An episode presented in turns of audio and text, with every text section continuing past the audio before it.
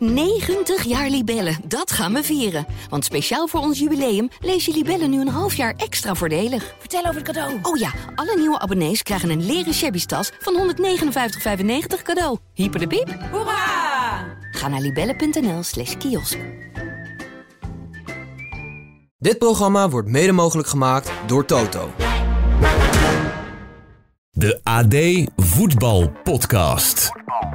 Je kunt kijken naar het voetbal van je team, hè? maar deze week leerden we iets anders. Pep Guardiola let namelijk vooral op de lichaamshouding van zijn spelers. I think in our team we set our standards very high. Let's say like the last game when we when we play and we feel like we're not playing like we, we can play and it can show what he says, what the manager says. Maybe it shows a bit on the body language, like we are not happy with ourselves. Oké, zei dat, de lichaamshouding dus. Dus niet het negatieve, maar de positieve houding. Dat is voor Pep nou uitermate belangrijk, trainers. Etienne Verhoef. Hoi, dit is de AD Voetbalpodcast van 14 februari. Vandaag met Johan Inan.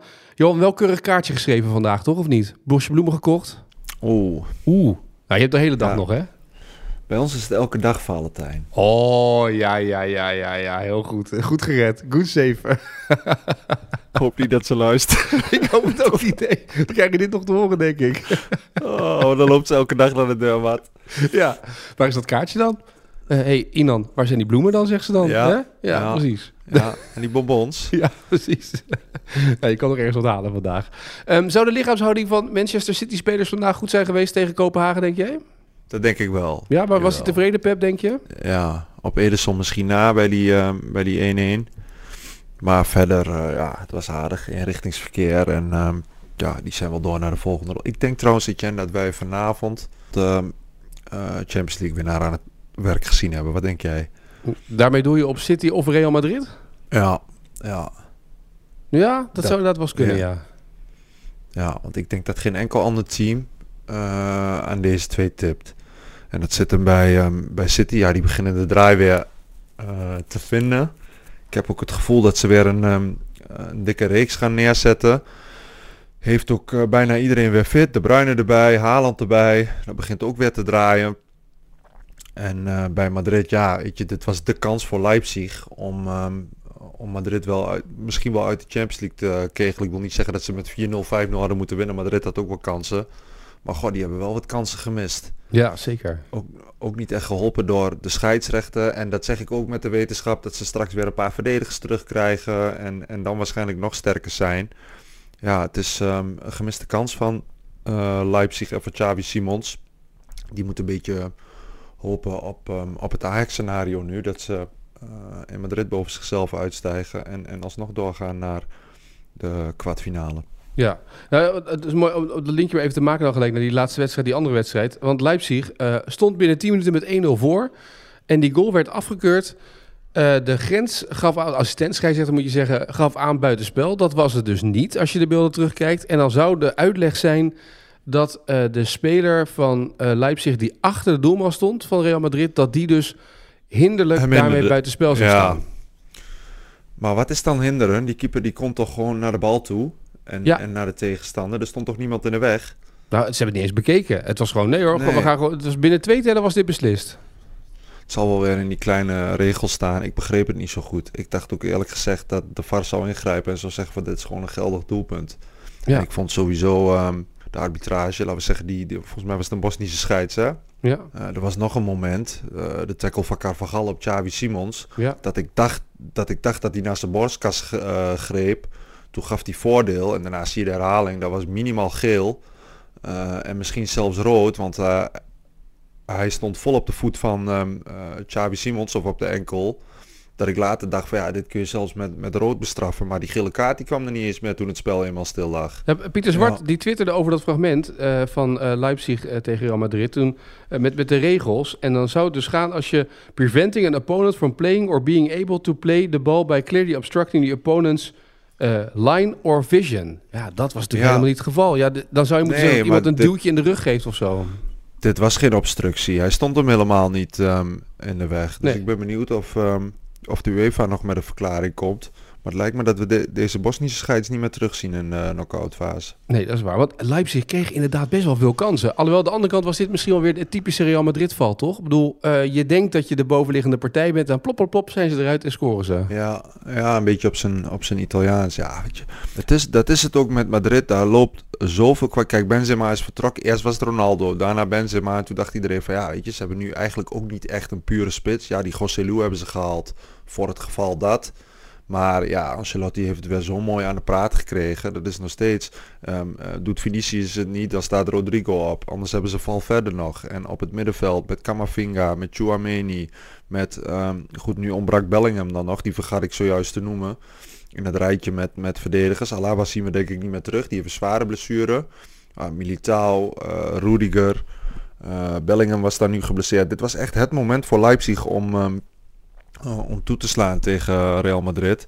Ja, en als je die kansen niet verzilvert, ja, Nee. dan weet je dat, dat een, van die, eh, een van die gasten...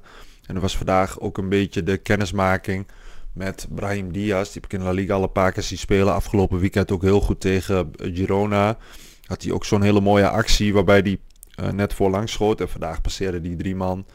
En eh, krulde hij hem even, even in de bovenhoek. Dat is echt ook een schitterende speler. En hebben ze daarachter hebben ze nog Arda Güler, die nog ehm, eh, weinig speelt. Ja, en zo hebben ze, hebben ze echt een geweldige selectie. Waarbij eh, de verdediging de Achilleshiel is. Maar goed, dan moet je er wel voor profiteren. Ja. Overigens, eh, in die andere wedstrijd, Kopenhagen-Manchester City, daar leerde Kopenhagen ook een beetje de wetten van het topvoetbal. Hè? Want die eerste bal van Foden en De Bruyne, het leek alsof iedereen bij Kopenhagen dacht, hij gaat hem voorgeven natuurlijk, want dat doen ze allemaal hier in. Denemarken. Ja, Maar hij schoot hem natuurlijk met die klasse die hij heeft gelijk in de verre hoek. Ja, dat is hier gelijk het verschil, Mooi, hè? Ja, mooi. En je weet ook op het moment dat, dat hij in die hoek komt. Je weet gewoon, hij heeft zo'n strakke, vlakke trap. Het is gewoon eh, kassa. Ja, dat begint, weer, ehm, dat begint weer heel mooi te draaien. Maar ook daar, als je naar die selectie kijkt, naar het elftal. Met Bernardo Silva, met Kevin De Bruyne, met Haaland, met Grealish, met Doku. Eh er loopt eh, Rodri, wat ik nog de beste middenvelder van, van de wereld vind, samen met ehm, eh, Bellingham. Ja, het steekt heel goed in elkaar. En ik kan me niet voorstellen dat... En dat zeg ik ook een beetje. Kijk, Inter, daarvan kun je nog zeggen van... die draaien op dit moment heel goed in, in de eigen competitie. Hebben vorig jaar natuurlijk ook in de Champions League finale gestaan. Die zouden het wel eens weer heel ver kunnen gaan schoppen. Maar als je Barcelona ziet worstelen... als je Bayern eh, in de eigen Bundesliga... Ja, lopen ze vijf punten achter naar die... Naar het verloren titelgevecht met Leverkusen, daar werden ze even van het veld gepoetst. Ja, als je die, die ook met zichzelf ehm, eh, in de weer ziet. Eh, en de kritiek die er van binnenuit komt bij Neuer, bij eh, Thomas Müller. Ja, ik kan me ook niet voorstellen dat zij, ehm, dat zij een gooi gaan doen naar eh, de titel dit jaar. Ik denk dat zulke ploegen, Barça, Bayern München, gezien zijn op het moment dat ze, ehm, eh, dat ze tegen Madrid of tegen Manchester City moeten. ja. één hoogtepuntje voor Kopenhagen wel natuurlijk het debuut van Matson. Tenminste, niet veel van gezien.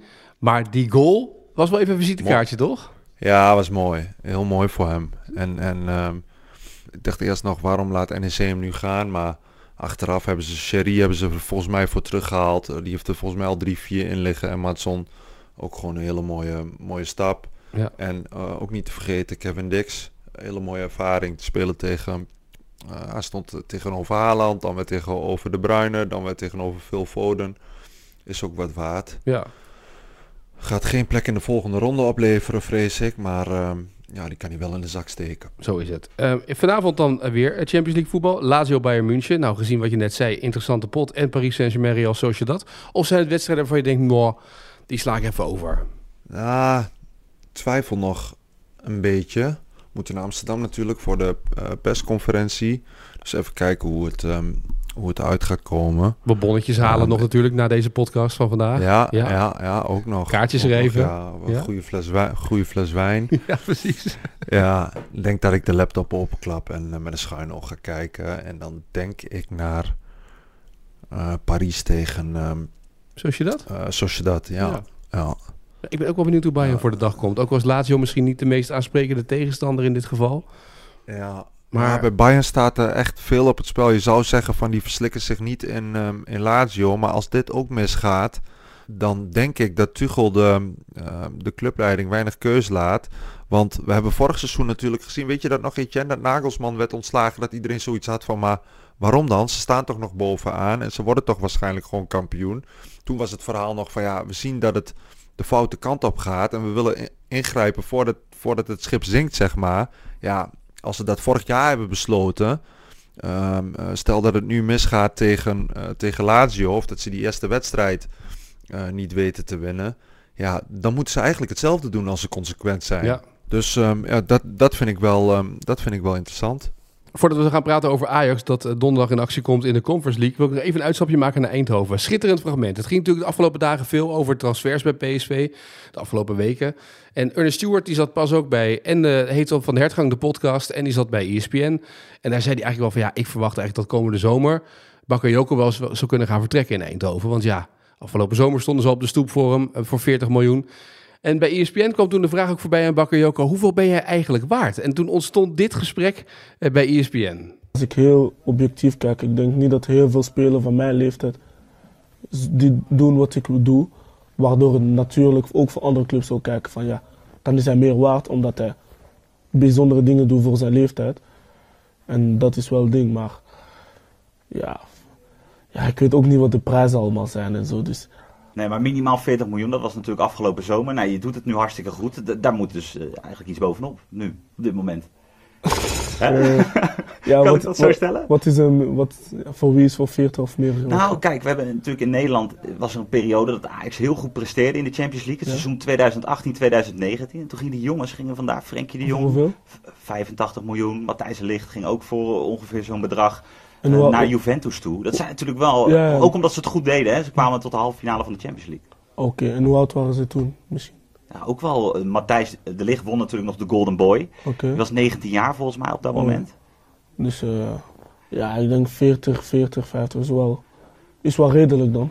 Mooi hè, dit is wel schitterend dit. Dit was ook gelijk een geschiedenislesje van Bakayoko Ja. zelf, hoe het dan precies was gegaan in het Nederlandse voetbal allemaal. Oh, leuke, oprecht, juist ook oprecht geïnteresseerd, Ja, hè? ja, En, en- en maar ook dus- waren zij dan waard? En, en ook wel redelijk bescheiden. Hij zegt dan niet van, nou, weet je, als Matthijs de Ligt en, en Frenkie de Jong voor eh, 80, 90 weggingen, dan kan ik de 100 miljoen wel aantikken. Nee. Nee, 40, 45 vind ik wel een, ehm, vind ik wel een schappelijk bedrag. Leuke Ja. jongen. Maar het is wel er nou schitterend hè. En maar ook gewoon dus eigenlijk iemand die dus, ja, die, die is natuurlijk, ja, hij is nu een jaar of eh, 19, 20, dus die heeft die transfers van Frenkie en zo. Toen was hij 14, 15. Ja. Je zou denken, oh, die zit helemaal op dat geld en die grote transferbedragen. Was alleen maar bezig met de bal. Daarmee wil ik niet zeggen dat ik het ermee eens ben. Hoe bedoel je? Volgens mij ging, voor hoeveel ging Gakpo weg? Eh 40 of zo ook, geloof ik. Ja, maar die liet het al, al wat langer zien. Was denk ik iets, iets constanter ook. Inflatie Dus, ehm, inmiddels. Ja, nou dan, dan zal dat het zijn. Maar ehm, eigenlijk moet Bakayoko het dan hierna nog een seizoen laten zien. Ehm, en dan kan hij zo'n bedrag en misschien wel ietsje meer opleveren, 50 miljoen. En ik vond ook mooi wat hij in het begin zei. Als ik om me heen kijk, zijn er niet veel spelers op mijn leeftijd die kunnen wat ik, wat ik kan. Eigenlijk zegt hij gewoon van ik ben uniek. Ja, maar hij zegt ook, want hij reageerde op die woorden van Stuart. Die zei, ik denk dat hij van de zomer weggaat. En toen zei hij, nou dan weet ik eigenlijk nog helemaal niet of ik wegga eh komende zomer. Dat, dat moeten we maar zien. Dacht ik, Dat vind ik, slim. En, da- en daarin doet hij mij dus denken aan ehm Gakpo, waar we heel veel jongens van die leeftijd eh, vroeg hebben zien vertrekken. En ook ehm, ja, op, op eigenlijk ehm, net nadat ze waren doorgebroken of na een seizoen, anderhalf, al zagen pochen met, met de grote clubs in, in het buitenland. Is dit net als, als Gakpo van joh, laat mij maar gewoon even in Eindhoven voetballen en we zien vanzelf wel wanneer ik, wanneer ik die kant op ga.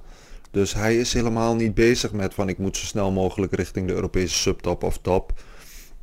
Gewoon gefocust op PSV. En dan, ehm, ja, nou, wat je wel merkt, dat hebben we afgelopen zomer ook gezien. Hij is wel al in trek in, in Engeland. En ik denk dat Stuart, die heeft het natuurlijk ook afgelopen winter weer meegemaakt. Er zullen er eh, clubs en zaakwaarnemers zijn die, die bellen en naar hem informeren. Ik denk dat Stuart het ook daarop passeert. En, en dat hij daarom zegt van, ah, wordt wel heel lastig om, ehm, om hem te behouden. Ja, maar goed, als een speler niet wil, hè, dan zag je van de zomer nee, ook. Dus, nee, maar als ik dit zo hoor, dan eh, moet PSV daar de hoop een beetje, een beetje op vestigen. Ja, zou wel interessant zijn als hij nog een jaartje blijft. Het is een, een goede voetballer. Moet ook nog wel weer wat doen, hè? Want we hebben het met Gakpo ook vaak gezegd. Of het moet een heel jaar fit blijven zijn. Dat is altijd geroepen over Gakpo. Tot hij dat Ja. deed, toen was dat zover. Toen maakte hij de transfer Ja. ook.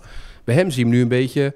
Dat je denkt, wat is nu je effectiviteit in deze wedstrijden nu? Het is ook niet... Ja, iets meer. Ja. Iets meer ook. Je moet eigenlijk even een serie neerzetten dat hij eh, vijf, zes wedstrijden op rij ook scoort. Dat, dat heeft hij nog niet echt. Het is denk ik steeds een paar potjes goed, dan weer ietsje minder. Daarom zeg ik, hij is nog niet zo constant als, ehm, als Gakpo. Maar ik heb hem natuurlijk recent gezien in de arena tegen, tegen Ajax. Daar had ehm eh Borna Sosa die wist hem nog aardig te eh, bedwingen. Voor de verandering zeg ik er meteen bij. Ja. Maar je ziet bij Bakayoko wel, het is af en toe... ehm, hij heeft een soort kick-down, dat, dat als die aanzet en, en accelereert, zeg maar, ja, dan kun je hem bijna, bijna niet meer stoppen. Hij is zo snel op de, op de eerste meters. Dat is echt een gigantisch wapen van, ehm, eh, van die speler. Dat heeft Lozano bijvoorbeeld veel minder, vind ik. Zeker. Eh, dan eh, gaan we het even hebben over Ajax. Want als we het hebben zeg maar, over constantheid. Eh, dan dachten menig één eh, dat nou, Ajax is wat constanter geworden onder van het schip. Dit weekend eh, zakten ze weer door die ondergrens heen tegen Herenveen. En toen zei Leon, tegenwoordig is er, ja, welke reden heb je nou om te denken dat Ajax nu stabiel gaat zijn de komende weken, de komende periode? Is die er eigenlijk, die, die, die reden om te denken dat Ajax stabiel gaat zijn? Hou vast bedoel je? Ja, hou vast. Nee. Daar is het antwoord heel simpel op. De enige houvast die ze voor mij op dit moment hebben, dat is Brian Brobby. Ja. Dat is de meest ehm, constante. Daarvan heb je het gevoel, die kan elk moment een doelpunt maken. Eh, dan is het wel handig als dat, dat veldspel, dat was wel groeiende. Waarin ze hem ook steeds vaker wisten te bereiken. Waarin hij ook steeds beter wist ehm, hoe hij aan kansen en aan, goals moest komen. En verder, ja, wat, wat, wat voor stabiele factoren hebben we nog meer gezien? Jorrel Hato, maar goed, zelfs die heeft nu ehm, eh, een dipje. Henderson hebben, we, eh, hebben we zien komen. Tegen PSV heel aardig zien spelen, vind, vond ik. Maar tegen Heerenveen gaat het dan weer helemaal mis. En dan komen alle, alle defensieve problemen die, ehm, die de ploeg heeft, die komen weer aan de oppervlakte. En dat is ja, het gebrek aan communicatie, aan afstemming. Dat de omschakeling bij ehm, meerdere spelers eh, te wensen eh, overlaat. En, en ehm, ook gewoon de druk niet op de, op de tegenstander krijgen. En dat kan hè. Want ik hoorde Berghuis na de wedstrijd zeggen, ja je hebt een plan, maar eh, de tegenstander kan eh, ehm, ook iets anders doen dan, dan wij vooraf gedacht hadden. Ik, ja, dat is ook zo. Maar je mag van, van een, ehm, eh, een beetje routine in het elftal met Henderson, met, met Berghuis, maar ook van de staf mag je dan verwachten dat binnen een kwartier, 20 minuten, dat je daar een oplossing voor hebt gevonden. Maar Ajax was gewoon een uur lang het speelbal van, van. Die konden doen en laten wat ze wilden. Steeds de bal naar de centrale verdedigers. Daar liep Robbie heen en weer. Ehm, erger nog, eh, iedere keer kon of die Simon Olsen en ehm, of Tom Haaien, die kon gevonden worden. Ja. Vond ik allebei een hele goede wedstrijd spelen. Met, met dank aan Ajax ook. Dus dat duurde veel te lang. En eigenlijk toen Ajax ja, van bank ging spelen met ook Akpom erbij. Ja, toen kregen ze er ehm, eh, redelijk druk op. Het duurde echt veel te lang. En ja, dus die defensieve problemen die blijven en die zijn echt schrikbarend en Ajax onwaardig. Als je kijkt naar het aantal tegendoelpunten, we hebben 21 wedstrijden gespeeld. Ajax staat al op 39 tegen, tegentreffers. Uit mijn hoofd drie clean sheets. Ik kan me herinneren dat ik verhalen moest schrijven over ehm, ja, het fort wat Ajax was. Met het jaar ehm, waarin ze ook foutloos door, ehm, door de groepsfase van de Champions League kwamen. Pas weer had 15, 20 keer de nul. Moest ik op een gegeven moment zelfs Kik van de Val bellen. Want die had met Twente in de jaren 70 eh, het laagste record aantal tegendoelpunten. En, en of die dan inmiddels de vrees had dat Ajax dat record zou breken, dat gebeurde uiteindelijk niet. Maar ehm, ja, ook daarin zie je, zie je het eh, gigantische verval bij Ajax. Namelijk van een hele goede, eh, stugge verdediging met Martinez, Timber, Alvarez. en pas verder achter, zeg maar, naar nu waarin ze in de eredivisie als grootste en rijkste club van Nederland gewoon gemiddeld bijna twee doelpunten tegenkrijgen. Maar dat verval zette zich vorig jaar al een beetje in onder Schreuder. Hè? Want toen hebben we ook al vaak de discussie gehad. Hoe, eh, Alva- Alvarez moest toen Ja. achterin gaan staan om meer defensieve zekerheid te bieden. want klopt, Martinez ging weg. En ineens Klopt. was dat bastion afgebroken. Ja, en Heitinga die daarna als interim eh, meermaals riep... ik wou dat ik twee uh, Edson Alvarez had.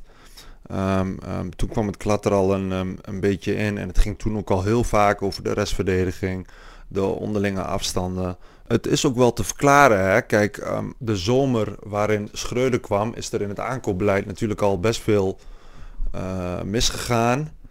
Uh, toen hebben we Jorge Sanchez zien komen, alweer zien vertrekken. Hebben we Owen Wijndal zien komen, alweer zien vertrekken. Kelvin Bessie kwam en ging alweer. Maar als je kijkt naar afgelopen zomer, ja, dat is misschien nog wel veel kwalijker. En dat moet um, uh, de inmiddels ontslagen directeur Mislitat zich ook aanrekenen. Die heeft bijvoorbeeld een Anton Guy en een Borna Sosa aangetrokken, die bij hun clubs Viborg en, en uh, Stuttgart vooral wingback waren.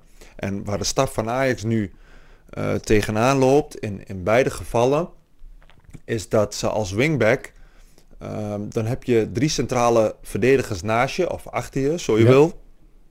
Ehm, en dan kun je die flank blijven bestrijken en dan hoef je ook niet te veel te knijpen. En bij Ajax was het continu trekken aan Borna Sosa ehm, en, ook aan Anton Guy, want ik weet niet of je die uitwedstrijd bij PSV kan herinneren, dat Lozano nog een paar keer voor Guy kon komen en ehm, ik geloof de 3-2 en de eh, 4-2 binnen kon pissen. Dat was ook weer omdat eh Guy de neiging had aan de buitenkant te blijven staan. Nou, bij Bonasosa hebben ze daar heel hard aan getrokken van luister nou, je speelt in een viermansverdediging. Het is de bedoeling dat als de bal aan de andere kant is, dat je nog veel meer ehm, eh, naar het midden moet. Eh, eigenlijk helemaal naar het centrum.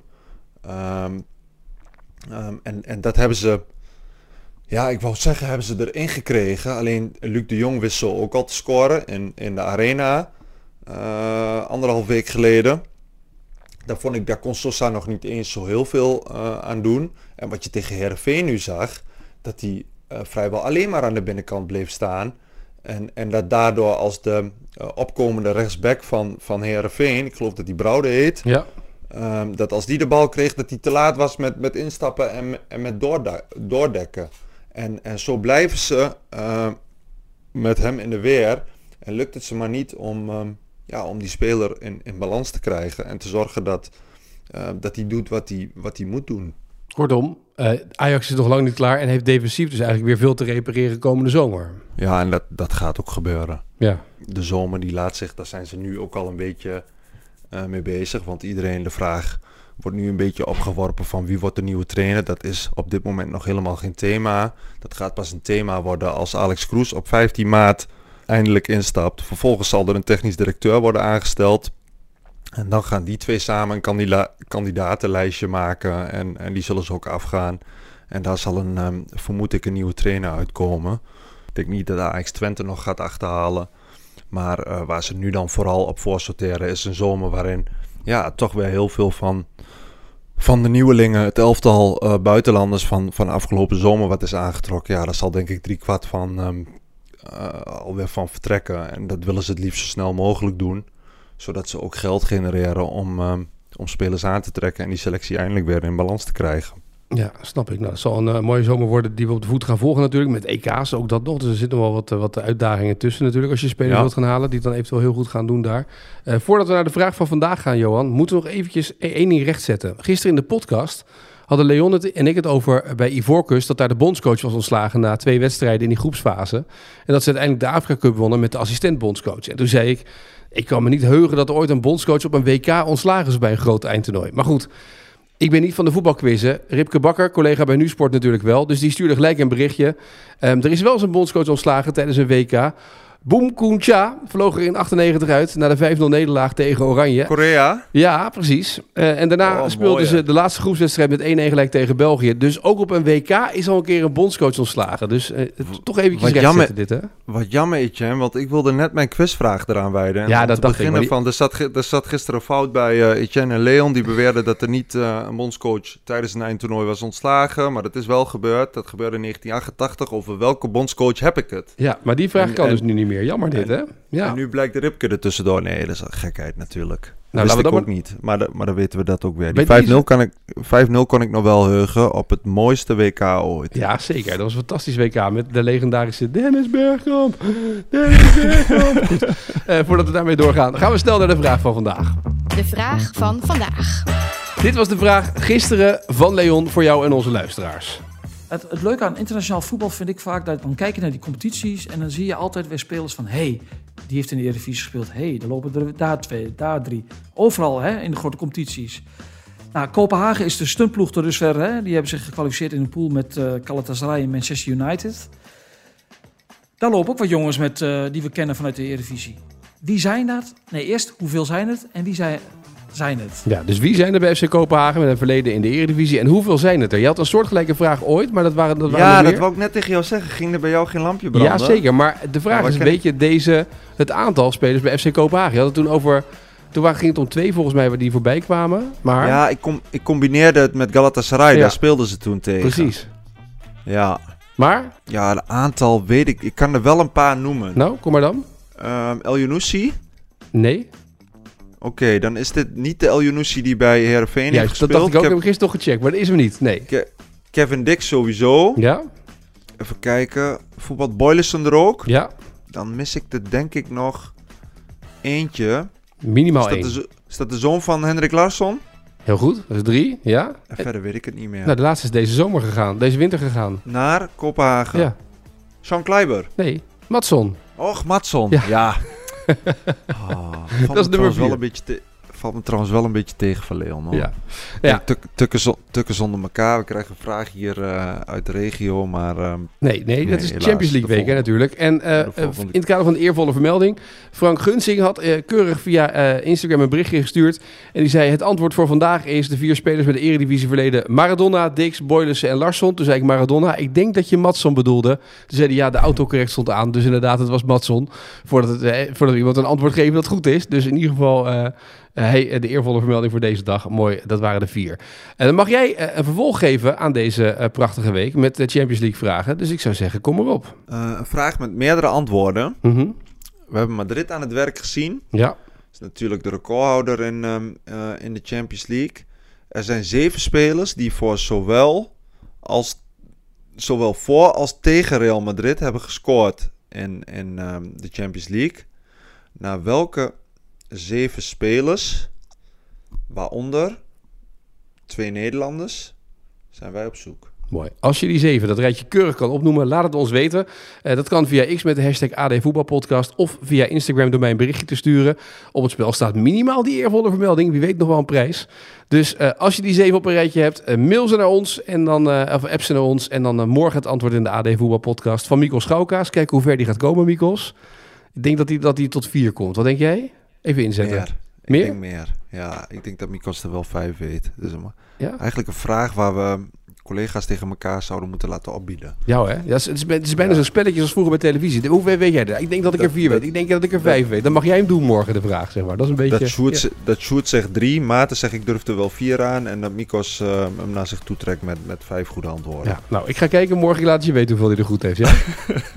Oké. Heel goed. Ik wens je een mooie dag en tot de volgende, hè? Doei doei.